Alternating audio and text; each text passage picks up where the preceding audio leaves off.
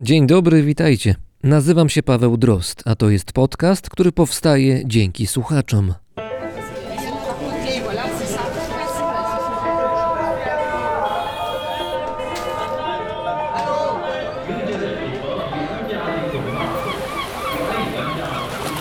Brzmienie świata z lotu Drozda.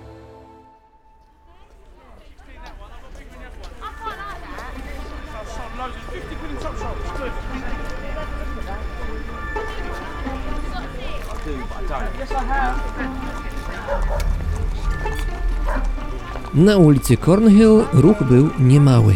Dość niepozorna ulica była znana w mieście chociażby z pierwszej w Londynie kawiarni.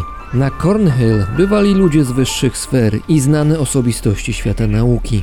Niektórzy z nich chętnie zaglądali do sklepu pod numerem 20. Jego właścicielem był Edward Nairn.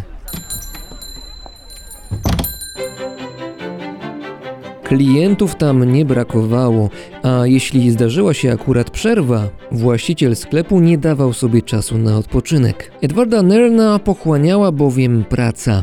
Specjalizował się w produkcji urządzeń służących do badań naukowych. Duże doświadczenie oraz pomysłowość sprawiały, że budował innowacyjne aparaty optyczne. Opatentował też niejedno urządzenie wykorzystujące wciąż nowy wynalazek elektryczność. Usprawniony przez Nerna morski barometr popłynął w świat z kapitanem Jamesem Cookiem podczas jednej z jego przełomowych wypraw. Sklep przy ulicy Cornhill 20 w Londynie cieszył się więc słuszną renomą.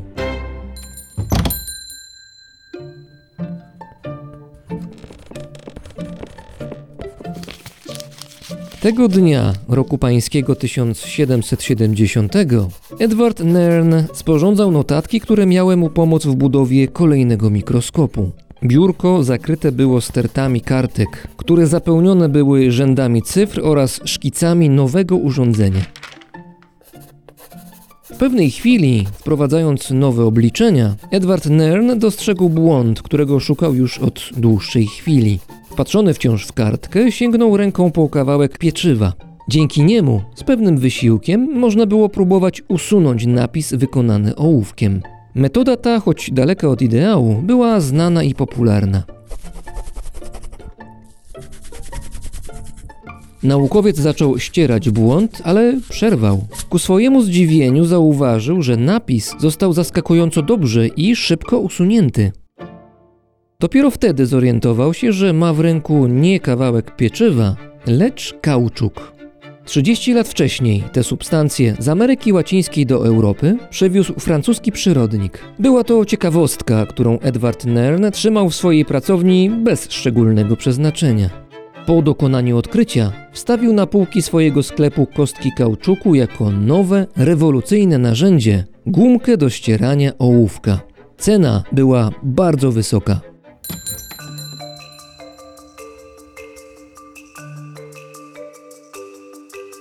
Kauczuk, a właściwie lateks, jest naturalną substancją, która w formie mleczka lateksowego wydzielana jest przez rośliny kauczukodajne, m.in. przez kauczukowiec brazylijski. Ponad 3,5 tysiąca lat temu, na długo przed przybyciem konkwistadorów, z tej wyjątkowej substancji korzystali już mieszkańcy obu Ameryk. Wiemy, że lateks, kauczuk, był surowcem, z którego tworzono naczynia. Uszczelniał okrycia przeciwdeszczowe. Służył też w budownictwie oraz w rozrywce. To właśnie dobrze odbijającą się kauczukową piłkę podczas gry zobaczyli na przełomie XV i XVI wieku zaskoczeni europejscy zdobywcy. Rdzenni mieszkańcy Ameryk potrafili znakomicie dopasowywać właściwości kauczuku do swoich potrzeb poprzez mieszanie lateksu z sokiem niektórych pnączy.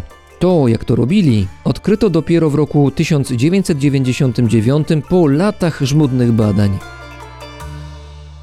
Biali ludzie zaczęli wykorzystywać potencjał drzemiący w kauczuku dopiero w XVIII wieku i początki były trudne. 50 lat po wynalezieniu gumki do ścierania ołówka, szkocki wynalazca Charles McIntosh zaprezentował światu pierwszy płaszcz przeciwdeszczowy, który pokryty był kauczukiem. Produkt dobrze się sprzedawał, ale był wysoce niedoskonały. Latem w upalne dni dosłownie rozpływał się, a zimą tracił swoją elastyczność. Kilkanaście lat później inny Charles, tym razem ze Stanów Zjednoczonych, dokonał przełomu. Przez przypadek. Po podgrzaniu lateksu z dodatkiem siarki zauważył, że materiał jest bardzo wytrzymały i jednocześnie elastyczny, a przy tym nie mają na niego wpływu warunki atmosferyczne. Proces takiej obróbki nazwano wulkanizacją od wulkana, rzymskiego boga ognia. Wynalazcą był Charles Goodyear. To jego nazwisko posłużyło później fabryce, która zaczęła produkować jedne z najważniejszych produktów tworzonych z kauczuku opony. W XIX wieku kauczuk stał się surowcem, na którym można było dużo zarobić. W Brazylii, która w owym czasie była jedynym producentem kauczuku i zazdrośnie strzegła swojego monopolu, najbardziej obrotni przedsiębiorcy na handlu mleczkiem lateksowym budowali gigantyczne fortuny. W odpowiedzi na rosnący popyt, oprócz dziko rosnących drzew kauczukodajnych, powstawały liczne plantacje tych roślin. Wystarczało naciąć je w odpowiedni sposób i mleczko lateksowe, niczym żywica, spływało do podstawionych pojemników.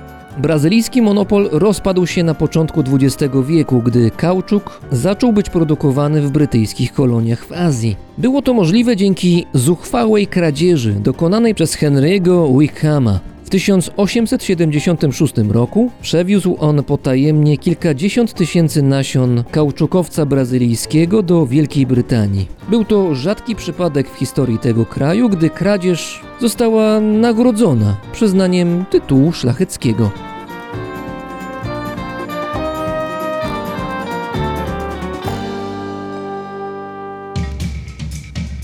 Skradzione nasiona wydały dobry plon i odtąd to azjatyckie kolonie pod brytyjską kontrolą stały się największym producentem kauczuku na świecie. Niewiele brakowało, by ten fakt doprowadził do klęski Stanów Zjednoczonych podczas II wojny światowej. Gdy Japończycy poprzez swoje podboje odcięli Amerykanów od dostaw kauczuku, okazało się, że amerykańska machina wojenna może stanąć w miejscu. Kauczuk był bowiem wykorzystywany nie tylko do produkcji opon wojskowych pojazdów, był niezbędny przy produkcji czołgów, okrętów wojennych i podczas pracy fabryk działających na rzecz wojska. Deficyt kauczuku był tak poważny, że amerykańskie władze wprowadziły radykalny plan oszczędnościowy. Samochody w USA nie mogły jeździć szybciej niż 60 km na godzinę, by zmniejszyć zużycie opon. Zorganizowano nawet punkty zbiórki przedmiotów wykonanych z gumy, nie wyłączając dziecięcych zabawek. Odzyskana w ten sposób guma zasilała US Army. Równolegle wykorzystywano kauczuk syntetyczny, który miał jednak swoje ograniczenia, dlatego można powiedzieć, że sytuację uratował radziecki wynalazek. Okazało się bowiem, że kauczuk można wytworzyć z mleczka wydzielanego przez rosyjską odmianę znanej powszechnie rośliny, czyli mniszka lekarskiego.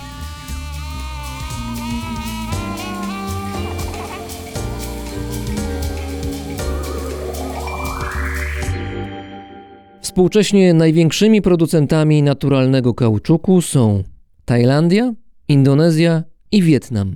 Brazylia, gdzie kauczukowa epopeja znalazła swój początek, ma obecnie zaledwie 1% udział w rynku. W tym odcinku wątek kauczuku pojawi się w kontekście zupełnie innym niż ten, który opisałem przed chwilą. Będzie to opowieść o ludziach. Ludziach, którzy mimo skrajnych przeciwności próbują ochronić swoje światy przed światem naszym.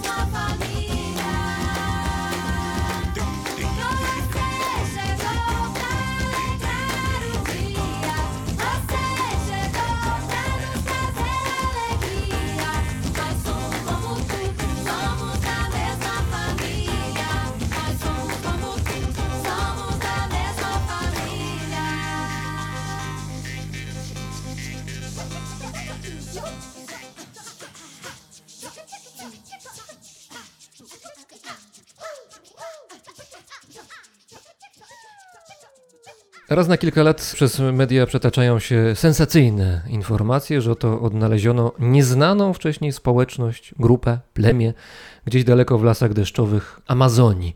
Grupa ta jakoby nigdy nie miała kontaktu z naszym światem. I takie informacje zawsze pobudzają wyobraźnię, no bo pojawiają się też pytania od razu, jak radzą sobie ci ludzie żyjąc w izolacji. No i w głowach niektórych powstaje pomysł, może by dotrzeć do tych ludzi, by dotknąć czegoś pierwotnego, jakoś nieskażonego. Rodzą się pytania, co się stanie, gdy kontakt, ten pierwszy kontakt zostanie już nawiązany. O tym między innymi będziemy teraz rozmawiać. Razem z nami jest etnolożka, doktor habilitowana Magdalena Krysińska-Kałużna. Dzień dobry. Dzień dobry. Dodam jeszcze, że ta rozmowa jest kolejną rozmową wyjazdową Brzmienia Świata i odbywa się w moim rodzinnym mieście, w Koninie we wschodniej Wielkopolsce, także jest mi miło szczególnie. Amazonia i w ogóle duża część środkowej Ameryki Południowej to są jedne z ostatnich rejonów świata, gdzie żyją jeszcze grupy, które pozostają w izolacji od naszego świata. Czasami się ocenia, że tych grup jest 100, ale to chyba bardzo trudno ocenić, no bo z zasady mamy tutaj bardzo mało danych i bardzo mało wiedzy. Dokładnie jest tak, jak pan powiedział. Bardzo trudno jest powiedzieć, w zasadzie jest to niemożliwe, żeby powiedzieć dokładnie, ile jest tych grup. Najwięcej ich z całą pewnością żyje w Brazylii. Zmieniają się te szacunki dotyczące ilości tych grup. 10 lat temu mówiono, że jest ich około 50, 60 w samej Brazylii.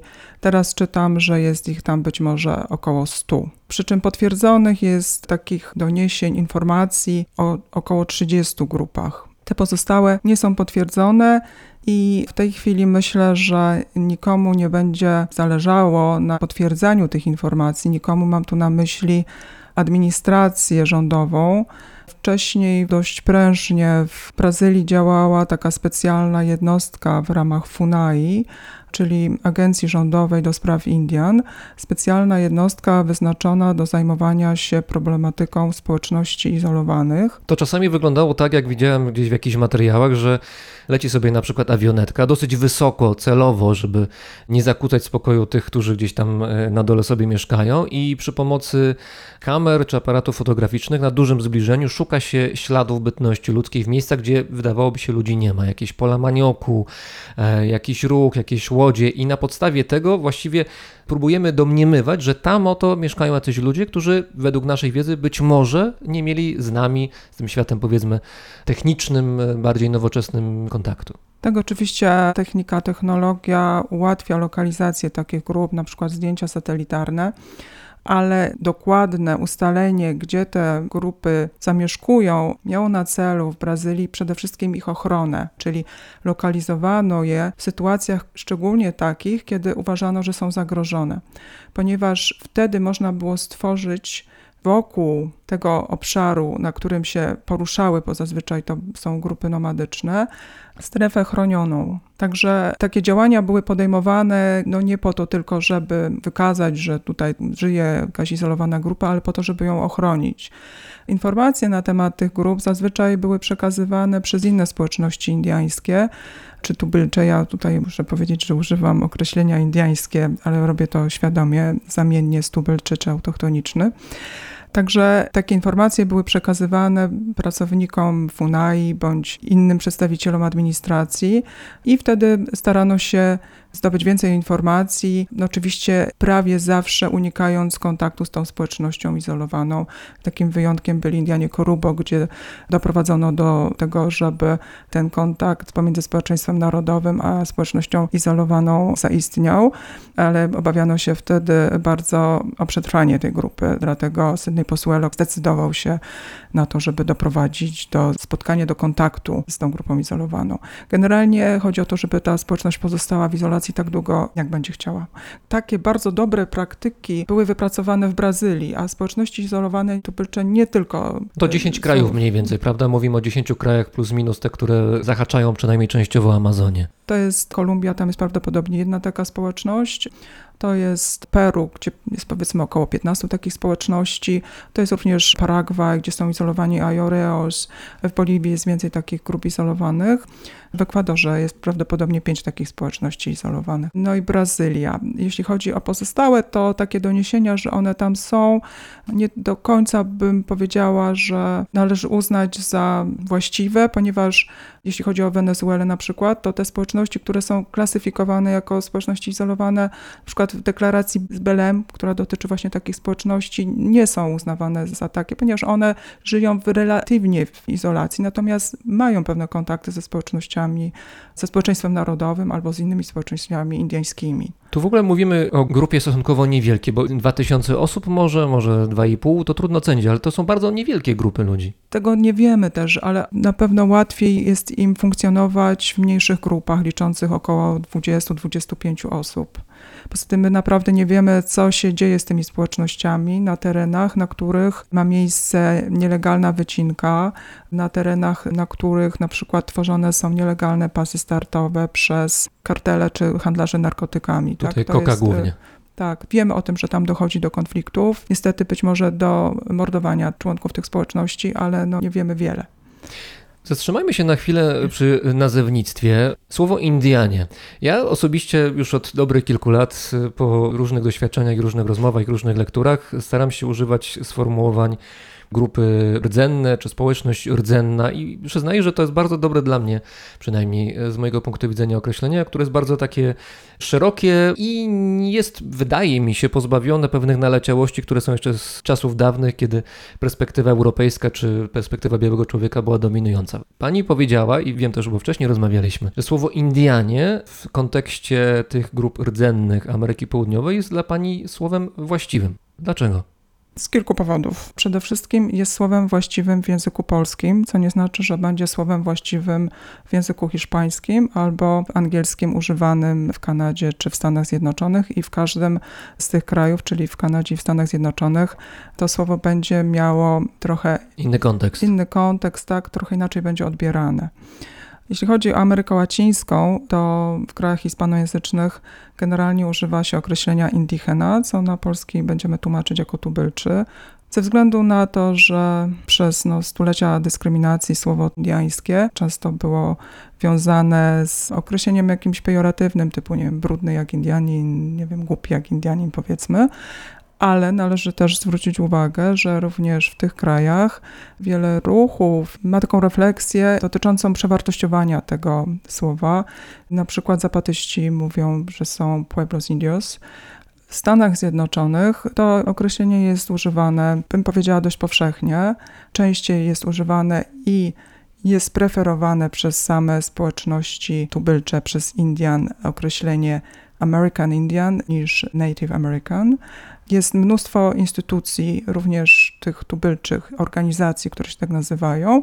Ludzie sami o sobie mówią, że są Indianami, noszą czapki, na których jest napisane Indian Pride. W Kanadzie, o której ostatnio się dość dużo mówi, sytuacja jest bardziej skomplikowana i tam z kolei trzeba pamiętać, że tubylcami są nie tylko te narody, te ludy, o których możemy powiedzieć, ja mówię, że są Indianami w tej chwili, czyli społeczeństwa, które są tam określane jako pierwsze narody, ale są to również Metysi czy Inuici. Więc jest tu pewna różnica i do niedawna mówiło się tam o tych społecznościach przede wszystkim jako Aboriginal Peoples, ale ze względu na to, że Kanada postanowiła dostosować swoją terminologię używaną oficjalnie do określeń stosowanych w prawie międzynarodowym, zaczęto używać określeń przede wszystkim Indigenous Peoples, czyli właśnie te społeczności tubylcze, a nie rdzenne raczej bym powiedziała bo mamy deklarację praw ludów tubylczych, mamy różne określenia w prawie międzynarodowym, gdzie to określenie indigenous jest już jest przetłumaczone i tak ono po prostu brzmi po polsku tubylcze, więc ja staram się raczej też tego używać. Natomiast również tam funkcjonuje określenie Indianie nie tylko w aktach prawnych, które są tym dziedzictwem kolonialnym, ale również stosowane przez same społeczności tubylcze, które w swoich nazwach czasami mają to określenie Indian. I Niedawno brałam udział w takim spotkaniu online'owym, przede wszystkim z prawnikiem, który reprezentuje społeczności tubylcze w Kanadzie przed sądami krajowymi i padło tam pytanie, jakich określeń należy używać. On wymienił cztery różne, w tym właśnie również Indians i powiedział, że wszystkie są prawidłowe i właściwe. Więc z mojego punktu widzenia powinniśmy być ostrożni w mówieniu Indio albo Indian, jeśli używamy angielskiego bądź hiszpańskiego, a w tym ostatnim w ogóle raczej bym powiedziała, że nie powinniśmy używać tego określenia, bo nie wiemy, z kim będziemy rozmawiać i czy ta osoba nie poczuje się dotknięta. Podobnie jest w Kanadzie. Natomiast nie widzę powodu, żebyśmy w języku polskim wyrzucili to określenie, szczególnie, że niektórzy utożsamiają się z nim i chcą go przewartościować i sami nazywają siebie Indians albo Indios. Więc dlaczego my mamy być tutaj wyznacznikiem, nie wiem, jakiejś moralności, co jest bardziej właściwe, a co nie? Jeśli ktoś nie chce, to nie musi używać tego określenia, natomiast sądzę, że ponieważ nie ma żadnych pejoratywnych, uważam, konotacji w języku polskim to określenie, więc tym bardziej nie musimy go wyrzucać z języka polskiego, co niektórzy postulują. Ja osobiście jednak się będę trzymał określenia rdzenne ludy albo teraz tubylcze może wprowadzę do swojego słownika, bo wydaje mi się, że to jakoś lepiej mi brzmi i jest to też bezpieczniejsze, no bo na mniej raf być może trafię, jeżeli spotkam się z ludźmi, których określam w ten sposób. Mniejsze jest ryzyko, że uznają to określenie za, za niewłaściwe. Ale druga kwestia, jeżeli chodzi o nazewnictwo, to jest kwestia grup izolowanych. Mówiliśmy o tym już kilka razy podczas tej rozmowy. To nie chodzi o to, że ci ludzie są odcięci zupełnie od naszego świata, tego powiedzmy nowoczesnego, ale to są ludzie, którzy są do pewnego stopnia izolowani. To znaczy ta izolacja nie jest stoprocentowa często. Tak, no oczywiście zdają sobie sprawę, mają świadomość istnienia społeczeństwa, które ich otacza, natomiast nie chcą kontaktów bezpośrednich z tym społeczeństwem. Zdarza się, że napadają na mieszkańców osad, w pobliżu których się przemieszczają, albo są spychani na tereny, na których zamieszkują inne społeczności, tubylcze bądź nietubylcze, na przykład przez nielegalnych drwali, albo przez wspomnianych już handlarzy narkotyków, operujących w mniej dostępnych czy bardzo mało dostępnych terenach, na których te społeczności izolowane żyją. I wtedy kradną przedmioty, które są im potrzebne, na przykład metalowe przedmioty, garnki, maczety i ich używają, więc mają już kontakt chociażby poprzez te przedmioty ze społeczeństwem narodowym. Natomiast oni nie chcą wchodzić w relację trwałą z przedstawicielami społeczeństwa narodowego. Być może dlatego, że mają złe doświadczenia, być może dlatego, że na przykład w czasie boomu kauczukowego ich przodkowie musieli uciekać przed łowcami niewolników szukających rąk do pracy przy pozyskiwaniu kauczuku. Tu trzeba od razu wspomnieć, że ciemną stroną rowerów jest właśnie ten boom kauczukowy z połowy XIX wieku, kiedy rozwój rowerów i popularność rowerów spowodowała wielki popyt na kauczuk i konsekwencją tego w Amazonii między innymi właśnie było to, że ludzie coraz głębiej wchodzili w lasy, szukając kauczuku, no i wtedy rzeczywiście ci ludzie przy zdobywaniu kauczuku pracowali, więc rowery mają też swoją najwyraźniej ciemną stronę, przynajmniej jeżeli chodzi o przeszłość. Tak, to szczególnie zintensyfikowane było na przełomie XIX-XX wieku. Potem druga taka fala nastąpiła wtedy, kiedy podczas II wojny światowej Japończycy zablokowali dostęp do plantacji, które były w Azji Południowo-Wschodniej kauczuku. Już wcześniej przetransportowane były tam sadzonki. Wtedy jedyną możliwością właściwie dla, dla krajów zachodu, które walczyły czy były przeciwne Japonii, było szukanie tego kauczuku właśnie w Amazonii. Tak, był już kauczuk, zdaje się, wtedy sztuczny, stworzony, ale jednak no, ten kauczuk naturalny, ma pewne własności, właściwości, które są bardzo pożądane, no i starano się pozyskiwać go w ten sposób tradycyjny. Do tego oczywiście potrzebni byli ludzie, którym starano się w ogóle nie płacić, bądź płacono tym, którzy tych ludzi przyprowadzali właśnie jako niewolników do pracy. Jeżeli chodzi o kontakty między nami a nimi, między światem powiedzmy nowoczesnym, a tym światem, nazwijmy to pierwotnym, bez konotacji negatywnych, to trzeba przyznać, że to, co pani wspomniała, że, że ci ludzie, te rdenne ludy izolowane, zdają sobie sprawę z tego, że narzędzia chociażby metalowe to jest realny zysk dla nich i poprawa ich statusu, ich możliwości życiowych, bo jak przeczytałem zresztą w pani książce Jamaśta, ten, który prawie umarł, książka wydana kilka lat temu, między innymi poświęcona właśnie kwestii pierwszych kontaktów z ludami rdzennymi tubylczymi w Ameryce Południowej, to tam wyczytałem statystyki, że karczowanie poletka takiego pewnie podmaniok przy pomocy narzędzi kamiennych czy drewniano-kamiennych, to zajmuje powiedzmy 8 godzin dziennie przez 153 dni, albo przy pomocy siekier i narzędzi metalowych 8 dni. 153 dni versus 8 dni. Albo drzewo, które trzeba powalić, jakieś bardzo poważne, 115 godzin przy pomocy kamiennych narzędzi i 3 godziny przy pomocy metalowych narzędzi. To jest w ogóle przepaść, więc ci ludzie zdają sobie sprawę z tego, że to jest pomoc, więc biorą to, co dla nich korzystne, ale jak rozumiem, też świadomie odgradzają się od tego, co może dla nich korzystne nie być i właściwie mają rację często. No, jest dokładnie tak, jak pan powiedział, czyli odmawiają wchodzenia w inne relacje, w relacje handlowe również. Jedynym sposobem, w jaki chcą wchodzić z nami relacje, jest ewentualnie właśnie takie pozyskiwanie towarów, narzędzi poprzez atak, powiedzmy, czy kradzieże. Jak wygląda proces pierwszego kontaktu? To znaczy po kolei, co się dzieje? Jest sobie jakaś grupa, ja sobie mieszkam w jakiś, z jakąś grupą tubylczą, która jest izolowana, ma minimalny albo żaden kontakt ze światem zewnętrznym i następuje pierwszy kontakt. Kto jest nośnikiem tego kontaktu? Jak do tego kontaktu zwykle dochodzi i co się dzieje dalej? Jaki jest schemat? Bo pewien schemat tutaj można zauważyć. Tak, schematów jest kilka. Zależy to od tego, kto będzie nawiązywał ten pierwszy kontakt, chociaż e, są one do pewnego stopnia zbieżne. Agentów kontaktu może być bardzo wielu. Agent kontaktu, czyli ta osoba, która jest nośnikiem tego kontaktu, ta, która kontakt inicjuje. Tak. Osoba, która staje się tym agentem przypadkiem bądź celowo. Przypadkiem na przykład może agentem kontaktu zostać turysta. Natomiast no, prawie się to nie zdarza. Natomiast agentami kontaktu zazwyczaj są pewne grupy osób czy instytucje, których celem jest nawiązanie takiego kontaktu. I mogą to być misjonarze, mogą to być przedstawiciele administracji państwowej, czyli na przykład nauczyciele wysyłani po to, żeby zostać w jakiejś społeczności.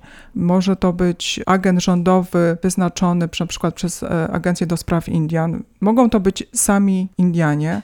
To Nie- znaczy Indianie z innych grup, tych, które już nie Tak. są izolowane. tak, którzy na przykład chcą nawiązać kontakt, albo którzy przez przypadek nawiążą kontakt.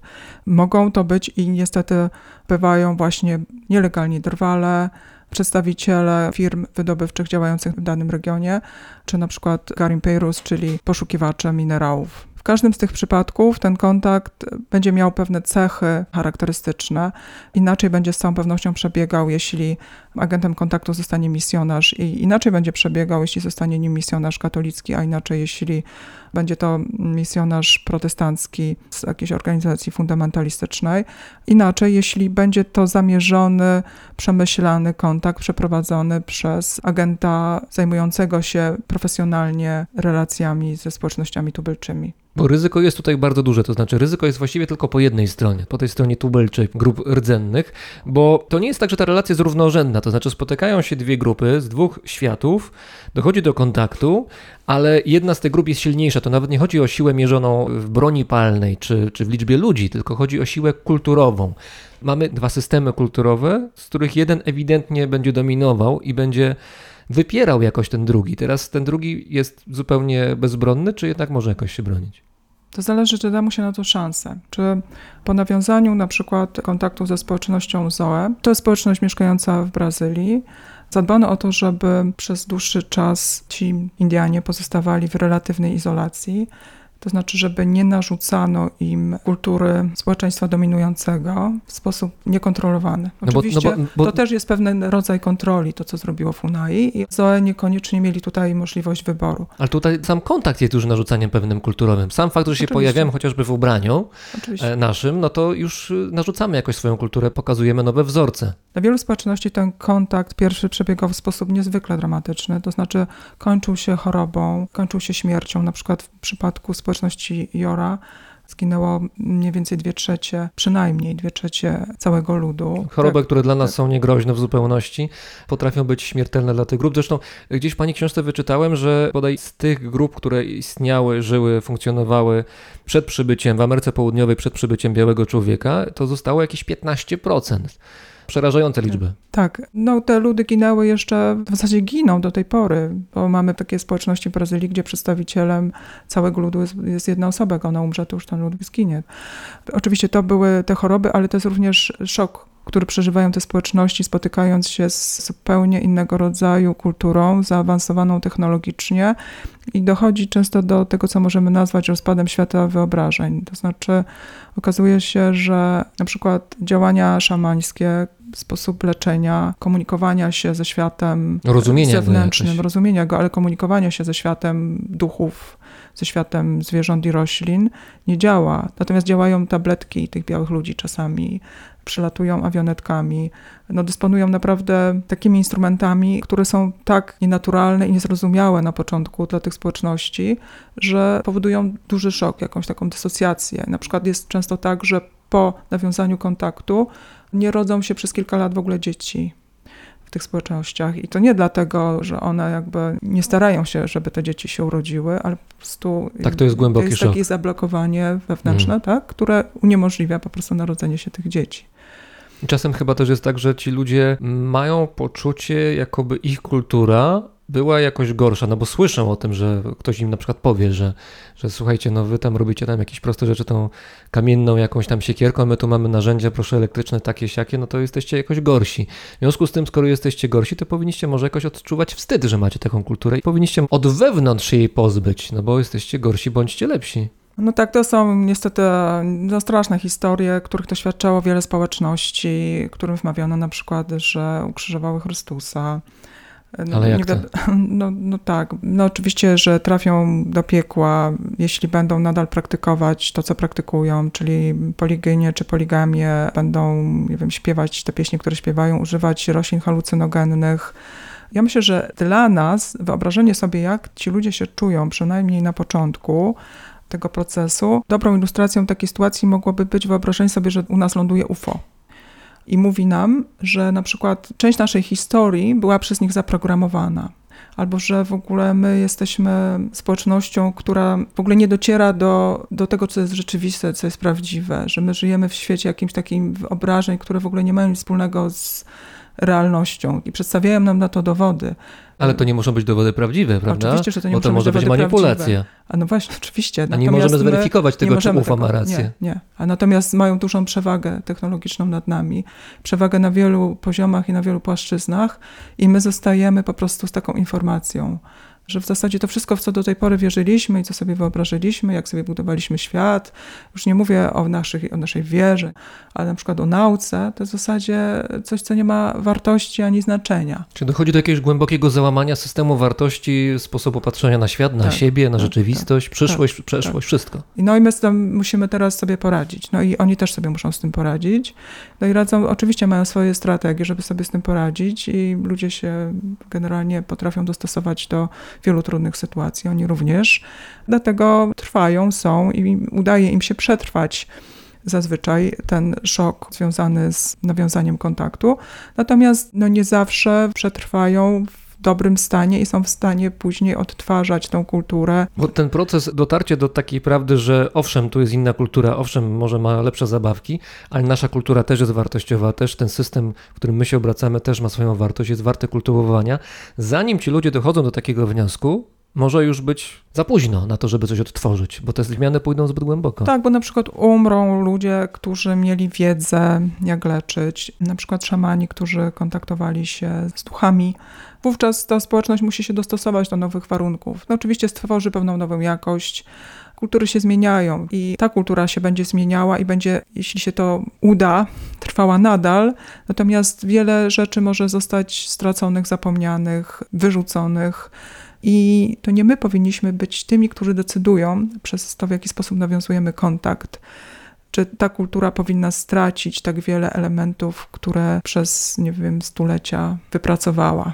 Cały ten proces pierwszego kontaktu, o którym teraz mówiliśmy, on może następować bardzo gwałtownie i wcale nie musi być pokojowy, bo tutaj wspomniała pani Garin Peiros, y, są firmy wydobywcze. W latach 50., 60., być może chyba nawet 70. też zdarzały się takie sytuacje, gdzie przedstawiciele Shella na przykład, nie wiem czy to osobiście, czy wynajmowali jakichś ludzi, napędzali na siebie jedne grupy tubylcze na drugie, znaczy tak powiedzmy nieizolowane na te izolowane, zrzucano jakiś dynamit, jakieś ładunki wybuchowe z samolotów i to się normalnie odbywało ile jeszcze, no 50 lat temu, 40, 60 lat temu, to wcale nie jest dawna historia. W takich okolicznościach ludzie z tych grup izolowanych poznawali nasz świat. To był ich pierwszy kontakt często. Ofiarą Szela byli właśnie Jora, o których wspomniałam. No, ci Indianie izolowani przeszkadzali, po prostu napadali czasem na robotników. Robotnicy generalnie w tych latach 80., 70., a również później byli chronieni przez wojsko w Ekwadorze, w Peru, na tych terenach, na których wydobywana była ropa. No więc zależało tej firmie, żeby ta grupa została spacyfikowana. Natomiast jeśli chodzi o zrzucanie dynamitu, to dotyczyło Cintas Largas z Brazylii. To były straszne historie, ponieważ w tej chwili agencją rządową do spraw Indian jest FUNAI. Wcześniej poprzedniczką jej była Służba Ochrony Indian, zakładana jeszcze przez generała Rondona na początku XX wieku.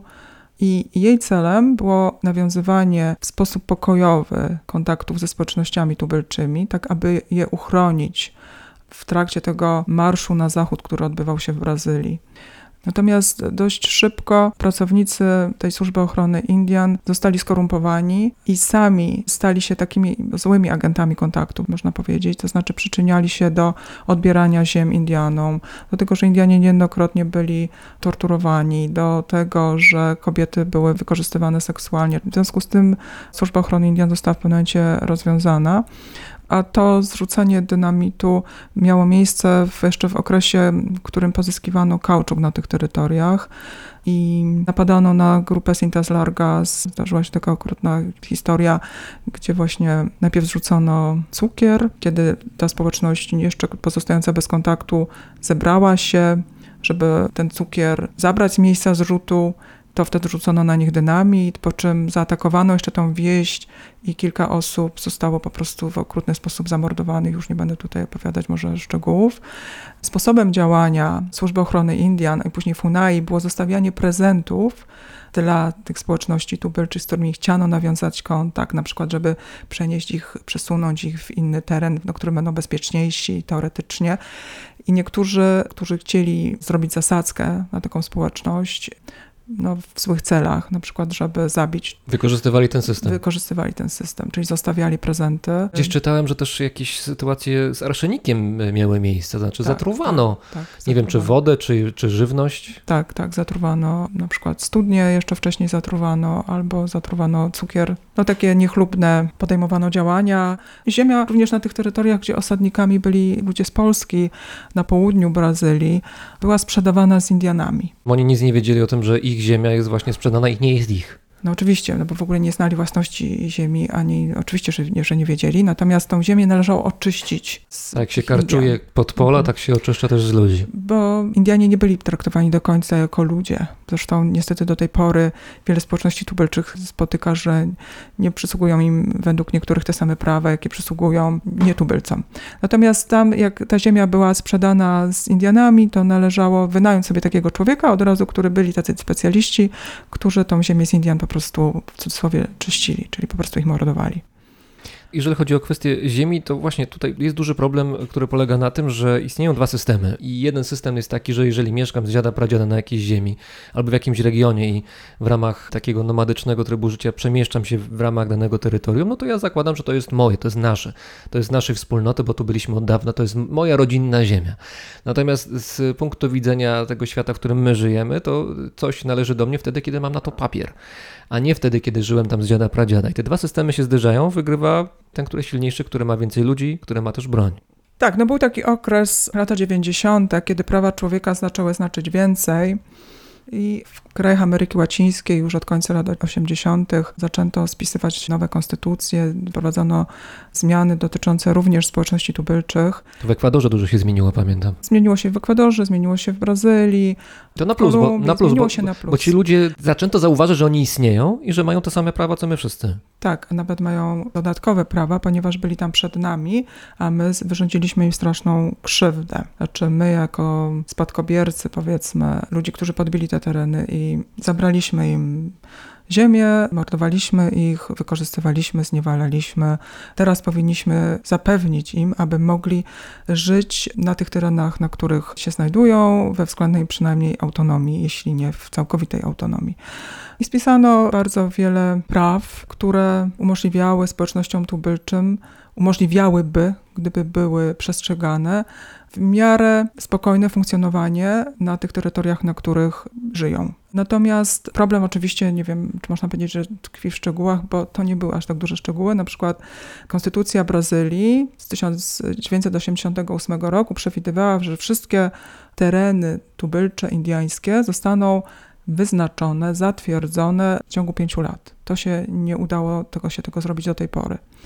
Proces demarkacji, zatwierdzenia później przez prezydenta danego terytorium jest niezwykle skomplikowany, niezwykle kosztowny i na dodatek musi spotykać się z dobrą wolą administracji, a szczególnie no, administracji prezydenckiej. Obecny prezydent powiedział, że za jego kadencji nie będzie żadnych, nie zostaną zatwierdzone żadne nowe terytoria. Prezydent Bolsonaro. Bolsonaro. Żadne nowe terytoria tubylcze. Na dodatek jest takie lobby, które stara się całą kwestię wyznaczania tych ziem indyjskich przedstawić w ten sposób, że tylko i wyłącznie te tereny powinny zostać przeznaczone do użytkowania przez Indian, które w momencie wchodzenia w życie nowej konstytucji były przez nich zajmowane. Czyli ci, którzy zostali krótko wcześniej na przykład wyrzuceni ze swojego terytorium przez kolonistów, przez właścicieli ziemskich, w tym momencie nie mieliby prawa powrotu na te ziemię, co oczywiście jest sprzeczne z samą ideą przyznawania tych terenów. No ale to jest właśnie teraz bardzo, bardzo trudna sytuacja jest w Brazylii, szczególnie, że Funai przestało pełnić swoje funkcje. Ono miało w ogóle różne lepsze i gorsze okresy w swojej historii. To przypomnijmy, FUNAI to jest To jest organizacja, rządowa, która, która rządowa wspiera agencja do spraw Indian. Tak? Jej Mhm. obowiązkiem jest dbanie o ochronę. ochrona, dbanie o przestrzeganie praw Indian, o to, żeby nie działa im się krzywda, powiedzmy, znaczy, żeby zadbać o ich interesy. W tej chwili aktualnym prezydentem Funai jest były komisarz policji, który współpracuje z Ministerstwem Środowiska i Rolnictwa w tym celu, aby tych demarkacji było jak najmniej. To znaczy robi to, czego dokładnie miałby nie robić. Tak, działa w sposób przeciwstawny z ideą, dla której zostało powołane Funai. To jest bardzo duży problem. Mówi się, że ten rok 2020, poprzedni rok, jest jednym z najgorszych w ciągu ostatnich, nie wiem, 20 lat dla tych społeczności tubylczych, ze względu oczywiście również na pandemię, ale na to, jak są traktowani przez administrację, ponieważ nie ma reakcji na to, że wchodzą na ich ziemię poszukiwacze minerałów. Znów na terenach Janomami pojawili się Garimpeirus, tak jak to było w latach 80. i 90., że te tereny są po prostu zawłaszczane przez hodowców, przez osoby, które uprawiają soję na skalę ogromną. Zniszczono 188 tysięcy hektarów na terytoriach indyjskich. O, Mówimy o lasach tutaj, Tak, mówimy o Mhm. wylesieniu. w Mhm. Brazylii. W Brazylii. To jest średnio 90% więcej niż w ciągu ostatnich 10 lat poprzedzających rok 2018. Nie ma reakcji ze strony administracji rządowej. Czyli jest reakcja, strony- jest wsparcie wręcz, zachęta. Właściwie tak, ale nie ma reakcji wtedy, kiedy są inwazje na terytoria tubylcze. Giną liderzy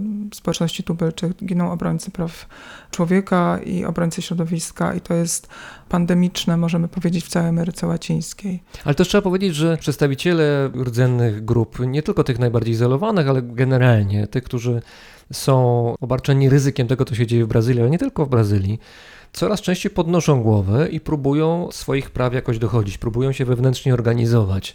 Są jakieś patrole, są jakieś, niedawno czytałem, jest jakiś system, jakaś organizacja pomocowa dała niektórym ludziom, którzy mieszkają gdzieś głęboko w Amazonii, rodzaj Właśnie nie wiem dokładnie, co to jest jakiś rodzaj lokalizatorów, który jednocześnie się łączy z satelitarnie i jest w stanie sprawdzić, gdzie w danym miejscu jakaś wycinka się rozpoczęła nielegalna, po to, żeby można było zareagować dosyć szybko. Więc technologia nowoczesna jest zaprzęgnięta do tego, żeby te naturalne miejsca na Ziemi ratować. Także coś się dzieje, jest jakaś odpowiedź z drugiej strony. Tak, no, organizacje pozarządowe wspierają społeczności tubylcze od bardzo dawna. Te społeczności też się organizują od dawna. Nie są bierne. Nie są bierne. Nie wszystkie się potrafią tak samo dobrze zorganizować. Możemy powiedzieć, jest to związane zarówno z ich kulturą, z dostępem do informacji, czasem z przypadkiem. Albo z brakiem związane. broni, bo czasami ci ludzie z bronią w ręku bronią swoich No, na terenów. przykład Kajopo uważa się, że przetrwali w stosunkowo dobrej kondycji do czasów współczesnych, ponieważ uchodzili za bardzo groźnych wojowników, którzy bronili swojego terytorium w sposób bardzo zdeterminowany, po prostu zabijając tych, którzy. Bo czasami dochodzi do regularnych walk, prawda? Tak, ale wiele tych społeczności po prostu nie jest w stanie, nawet jeśli broni swojego terenu w sposób który zakłada użycie broni, to oni tak nie mają szans z przewagą tych, którzy i zdecydują technologiczną. się, liczebną, technologiczną, którzy decydują się pozyskiwać drewno, zdecydują się wydobywać złoto czy diamenty na ich terytoriach. Znamy takie przypadki. Sintas Largas kiedyś zabili ponad 20 Karimpeirus na swoim terenie, ponieważ w żaden inny sposób z ich punktu widzenia nie potrafili się pozbyć tych ludzi ze swojego rezerwatu, powiedzmy. Tam było kilka tysięcy Garimpeirus, może 1200 i tam dochodziło do zupełnego rozkładu jakby no w ogóle struktur tej społeczności, ponieważ no, przykupywali ich ci poszukiwacze alkoholem, dawali im takie rzeczy, które teoretycznie mogły być dla nich użyteczne, jakieś radia, tak, czy telefony satelitarne i w zamian za to po prostu dewastowali to środowisko, na którym mieszkali Xintas Largas. To była społeczność, która stosunkowo niedawno nawiązała kontakt ze społeczeństwem narodowym, więc im było szczególnie dlatego trudno obronić się Bo, przed bo, tą... bo trudno się obronić przed czymś, jeżeli nie wiemy, że to coś jest potencjalnie niebezpieczne. tak, Nie mamy tej wiedzy. Mhm, tak, tak. I oni w pewnym momencie zdecydowali, w ogóle to jest dłuższa historia, ale oni w pewnym momencie zdecydowali się, korzystając z jakichś starych swoich wzorców, które zakładały po prostu walkę z najeźdźcą, na zabicie tych Karimperów, którzy w żaden sposób nie chcieli zrezygnować z wydobycia na tym terytorium. I to, to był duży dramat. Są sytuacje takie, jak miała miejsce w 1993 na terytoriach Janomami, gdzie to poszukiwacze złota dopuścili się tego, co zostało później uznane przez sąd brazylijski za ludobójstwo na Janomami, czyli zamordowanie, wymordowanie wszystkich, których spotkali we wsi Hashimu. Udali się tam z taką myślą, żeby w ogóle zabić wszystkich, natomiast część tej lokalnej społeczności Janomami wyruszyła kilka dni wcześniej na spotkanie z inną grupą, dlatego było tam dwadzieścia kilka osób tylko i no, wszystkie zostały zamordowane. Także konflikty są na tych terytoriach, na których dochodzi do inwazji poszukiwaczy złota czy poszukiwaczy innych cennych minerałów, niezwykle drastyczne. Na terytoriach Hanomami, które liczyły nie wiem, 1500 powiedzmy osób, było około 40 tysięcy Garimpeirus. Budowane były tam pasy startowe w pobliżu chat komunalnych. Ludzi, którzy praktycznie wcześniej prawie, że nie mieli kontaktu z Chaty komunalne to są takie, gdzie się narodowym. cała społeczność spotyka, że To- to- gdzie, się- gdzie się gdzie życie żyje. toczy. Oni po prostu, część tych społeczności w Amazonii mieszka w takich chatach komunalnych, Mhm. gdzie mieszka, nie wiem, kilkanaście, kilkadziesiąt osób. Janomami mają z kolei takie szabono, to się nazywa. To są takie place, które są w kształcie koła i one mają po okręgu wzdłuż tego koła są zbudowane takie dachy nachylone w stronę centrum. No i tam rozwieszają swoje hamaki. Tak czy inaczej, nagle na tych terytoriach pojawili się właśnie Garimpeirus, którzy pojawili się tam razem z prostytutkami, z alkoholem, z przemocą, z bronią, samolotami, które lądowały obok tych chat. Mówili, że to wyglądało jak koniec świata dla tych Indian, którzy nagle znaleźli się w tej sytuacji zupełnie dla nich niezrozumiałej. To wracając do tego porównania z UFO, to jest trochę tak jakby na osiedlu mieszkaniowym niewielkiego polskiego miasteczka ktoś wybudował portal międzygwiezdny. No trochę tak. Coś takiego. Trochę tak. Na dodatek ten portal gwiezdny jeszcze okazałoby się, że ci, którzy przylecieli, no nie przestrzegają zasad zupełnie obowiązujących w tym naszym świecie, deprawują kobiety, rozpijają Indian, przenoszą choroby, ponieważ razem z tymi górnikami przychodzą nowe choroby, które nie były, albo nie były powszechne, albo w ogóle ich nie było w danym regionie. Na przykład malaria, ślepota rzeczna, żółtaczka typu C, Grypa zwyczajna może być niebezpieczna. Grupa, tak, choroby, również choroby weneryczne, które w ogóle nie były obecne. Tak? No, to jest straszne po prostu. I umiera w związku z tym znowu, nie wiem, połowa na przykład danej społeczności. Jak pani wspomina swoją bytność w Amazonii, kiedy prowadziła pani badania jakiś czas temu? To było poczucie takiej nierealności czasami. Znaczy, przebywaliśmy dość duże odległości. To była Byliśmy Brazylia? W, byliśmy w Wenezueli, w Ekwadorze i w Kolumbii. Przebywaliśmy dość duże odległości, żeby nagle znaleźć się w społeczności, która funkcjonowała w innym wymiarze. Znaczy, takie mogliśmy mieć poczucie. Należało się oczywiście jak najszybciej dostosować do tego innego wymiaru. Przede wszystkim też należało dbać o to, żeby tam trafić na tyle, na ile to było w ogóle możliwe do przewidzenia, bez żadnych infekcji, które mogłyby być groźne dla tych ludzi. Ale tak czy inaczej, była to pewnie poczucie takiej nierealności dla mnie, które jak czytamy o tym, w jaki sposób sami Indianie amazońscy postrzegają rzeczywistość, może jest adekwatne, ponieważ oni sami postrzegają rzeczywistość jako pewną taką niestabilną i płynną. Jest taka koncepcja, która się nazywa perspektywizm. Dotyczy ontologii wielu społeczności, bo nie wszystkich oczywiście. Te społeczności się bardzo różnią pomiędzy sobą, ale części społeczności amazońskich i tego, co one myślą o bytach, które je otaczają, jak postrzegają te byty i swoją relację z nimi. I można powiedzieć, że to, co jest w tym pewne, w tym perspektywizmie, to pewnie płynność i niestabilność bycia człowiekiem, niestabilność kondycji ludzkiej, przenikanie się światów spirytualnych, powiedzmy duchowych, ze światami tymi, które są widzialne. I to nie tylko dla szamanów, ale również jest to dostępne, choć bardzo niebezpieczne i niepożądane dla osób, którymi tymi szamanami nie są. Szamani są pewnymi pośrednikami pomiędzy tymi światami i oni te podróże mogą odbywać w sposób bezpieczny, natomiast inni już nie tak bardzo bezpieczny. Natomiast chodzi tutaj mi właśnie o pewną taką płynność rzeczywistości. A to cały czas się pani uśmiecha. Ja sobie potrafię to jakoś, tak mi się wydaje, wyobrazić, jak to wygląda.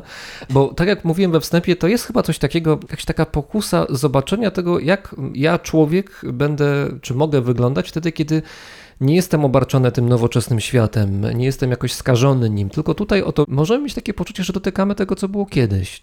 Byliśmy między innymi w Ekwadorze w społeczności Waorani.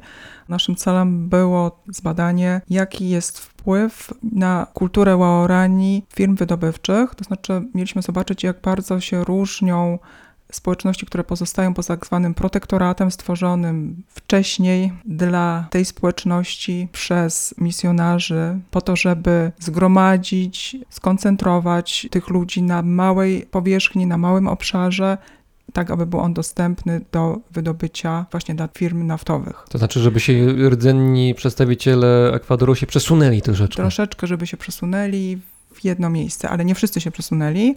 No i my mieliśmy zobaczyć, czy jest duża różnica pomiędzy tymi, którzy pozostali na swoich terytoriach, z tymi, którzy mm, no już od dłuższego czasu pozostają w takim specjalnym protektoracie stworzonym dla nich od lat 70. Taka myśl mi czasem przychodziła, jak patrzyłam na Waorani i na to, jak oni sobie radzą, że oni są takimi prawdziwymi ludźmi. To zresztą wiele tych społeczności tak się nazywa we własnych językach, że są ludźmi.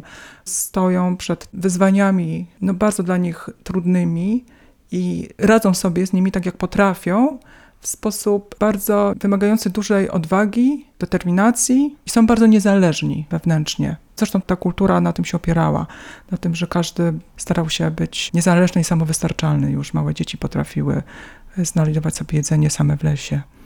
Także miałam takie poczucie, właśnie czasem taką myśl, że to są tacy no, prawdziwi ludzie, którzy tutaj w tych trudnych warunkach szukają różnych sposobów na to, żeby przetrwać, przetrwać zgodnie z własnymi zasadami. Myślę, że im się udało stosunkowo nieźle. Wziąwszy pod uwagę całą historię kontaktu ze społeczeństwem narodowym, która rozpoczęła się w latach 50. Jeżeli chodzi jeszcze o Ekwador, to tam jest historia bardzo ciekawa, bo Ekwador jako jeden z pierwszych krajów na świecie, chyba nie wiem czy nie jedyny, stworzył taki pomysł, że no dobrze, mamy wielkie pokłady ropy naftowej na terenach lasów deszczowych i oczywiście możemy tam wejść z ciężkim sprzętem, wyrzucić mieszkańców, tych, którzy tam są i zacząć wydobywać, niszcząc oczywiście wszystko dookoła, ale będą pieniądze, bo to jest pewne. Albo, droga społeczności międzynarodowa, zapłaćcie nam chociaż przynajmniej część tego, co byśmy zarobili wydobywając ropę naftową, a my tam nie wejdziemy z ciężkim sprzętem i wszystko zostanie tak, jak było wcześniej. Ten eksperyment, no bo to był eksperyment, był eksperymentem wręcz rewolucyjnym. Wydawał się wręcz być pewnym ideałem, rozwiązaniem idealnym, które odpowiada na problem ten, przed którym stoimy. Z jednej strony pieniądze są potrzebne, kraj się musi rozwijać, za pieniądze można kupić różne rzeczy, ale z drugiej strony są prawa i dobrostan tych ludzi, którzy tam mieszkają na tych terenach roponośnych.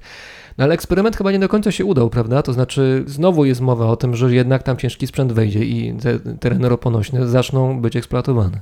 Ta idea została sprzedana jako pomysł rządowy, natomiast była to idea oddolna, żeby złoża, które zostają pod Parkiem Jasuni, to jest taki obszar, mówi się, że najbardziej bioróżnorodny na świecie. Tak.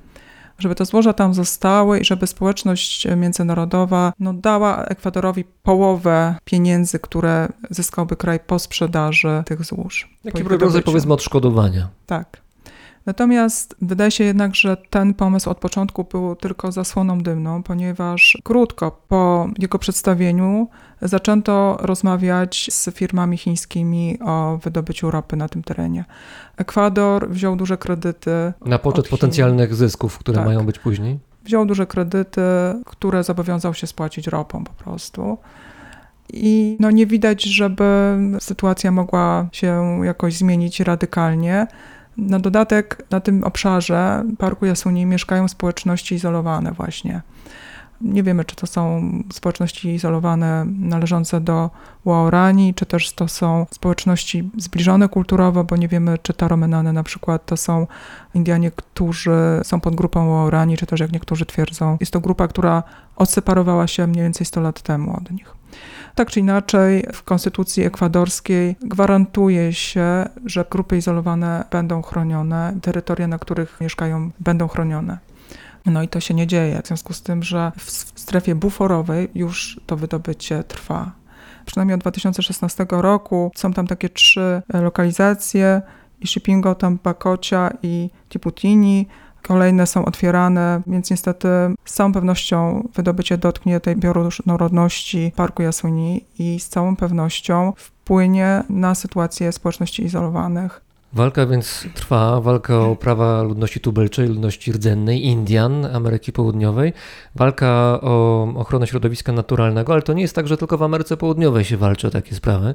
Również na naszym poletku polskim zdarzają się walki mniejsze lub większe. Wiem, że do jednej z takich walk pani dołączyła, jest pani jakoś zaangażowana, to na południu Polski.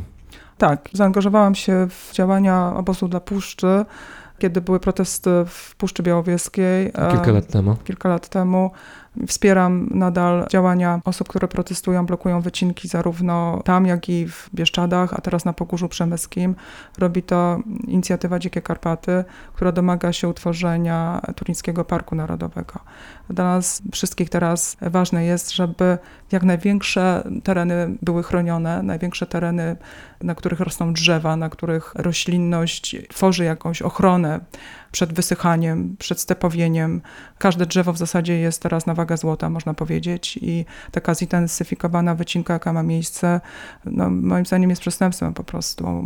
Dlatego powinniśmy zrobić wszystko, żeby, żeby udało się doprowadzić do tego, żeby lasy państwowe jednak może przemyślały swoją politykę i zdecydowały się na przykład na utworzenie większej liczby parków, większych obszarów, które są chronione po prostu przed wycinką. Była Pani na miejscu niedawno? Tak, są tam osoby, które wiedzą doskonale z jakiego powodu blokują wycinkę, są zdeterminowane, ale chciałyby, żeby, żeby miały większe wsparcie ze strony społeczeństwa i ja zachęcam do tego, żeby się zainteresować. Możemy wspierać, pisząc na przykład do ministerstw, pisząc do lasów państwowych, nagłaśniając całą sprawę. Wspierać na różne sposoby można ludzi, którzy działają w naszym imieniu, jeśli się utożsamiamy z tym, co robią. Inicjatywa Dzikie Karpaty, tam można szukać informacji na temat tego, co się dzieje na Pogórzu Przemyskim. Naszym gościem była etnolożka, doktor habilitowana Magdalena Kresińska-Kałużna. Bardzo dziękuję za zaproszenie do audycji. Bardzo dziękuję również. Que me disculpen los poetas, trovadores y coplistas, cantautores, barítonos, contraltos y artistas. Que me disculpen los intelectuales, pensadores, filósofos, teóricos y creadores. Yo solo sé que escribo, luego existo, porque la palabra cobra vida y sentido. Me da ese respiro del oxígeno al oído como un órgano vital. Lo que siento yo lo digo. El arte es un arte para liberarse, despojarse de las expectativas y estandarte, llevarse, mecerse con el pensamiento, moverse en ideas en continuo movimiento. Mi nombre poco importa, mi cara va cambiando con el paso del tiempo ella se va arrugando. No le temo a la vejez, yo le temo a la tontera, al vacío sin sentido que invade esta era. Me cuestiono qué decir, cómo abordar un tema, un compromiso con el mundo, pues cantar es mi escuela, rimar es mi academia a veces mi dilema. Y en ese sincronismo vivirlo vale la pena. Vivir lo que se escribe y escribir lo que se vive, con el texto, desvestirse por completo, desnudar el sentimiento con el sentir más honesto. Rendirse jamás como primer manifiesto, sentir lo que se dice y lo que se dice sentirlo. Vivir cada escrito, pues no todo está dicho. Resentir, resignificarlo todo como mecanismo. Primer manifiesto, liberar el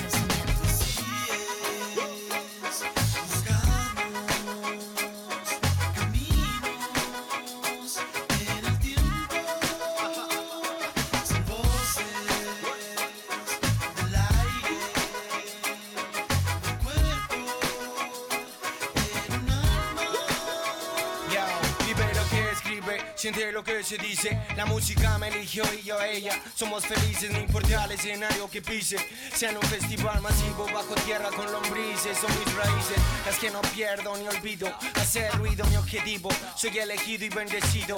Perdón por haber mordido el fruto prohibido. Y si hoy vivo es por esto que llevo conmigo. Amigo del sonido, fiel a los míos y a mis principios. Eh, barrio mi inicio, ando difícil y uno que otro esfuerzo y sacrificio. Como alejarme de este vicio, yo soy la voz de los anónimos, de los que rimamos para subir el ánimo humano, más que colegas hermanos.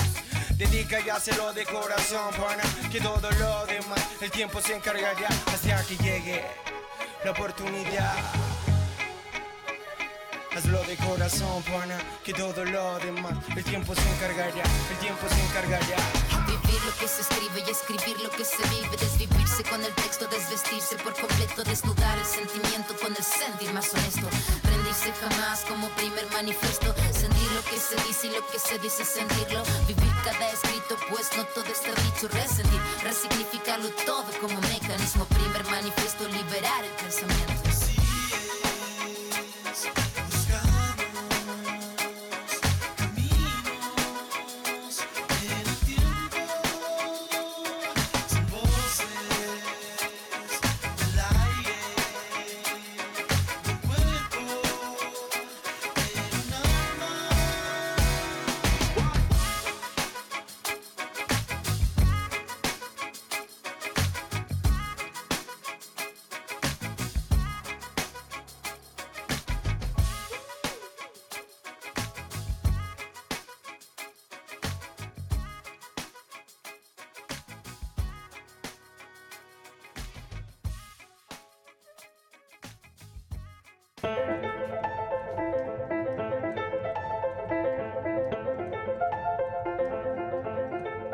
Słuchaliście 69. odcinka Brzmienia Świata z lotu Drozda.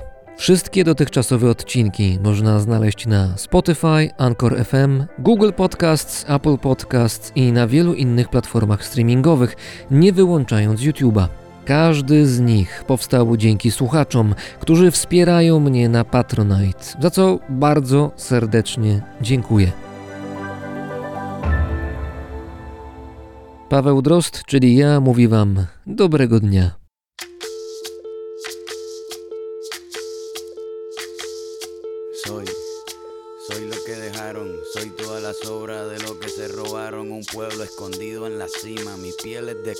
Por eso aguanta cualquier clima. Soy una fábrica de humo, mano de obra campesina para tu consumo. Frente de frío en el medio del verano, el amor en los tiempos del cólera, mi hermano. El sol que nace y el día que muere, con los mejores atardeceres. Soy el desarrollo en carne viva, un discurso político sin saliva.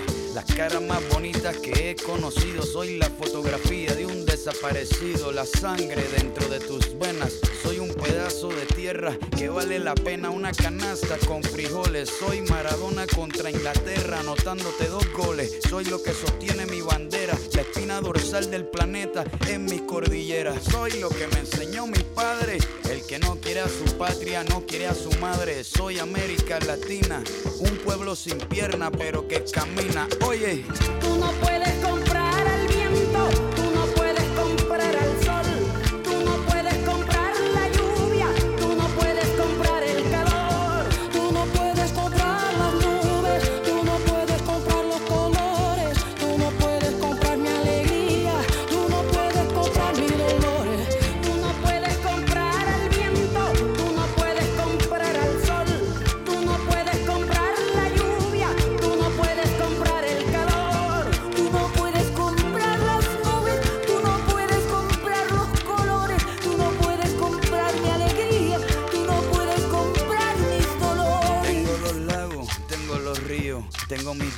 Cuando me sonrío, la nieve que maquilla mis montañas. Tengo el sol que me seca y la lluvia que me baña. Un desierto embriagado con peyote, un trago de pulque para cantar con los coyotes. Todo lo que necesito. Tengo a mis pulmones respirando azul clarito, la altura que sofoca. Soy las muelas de mi boca, mascando coca.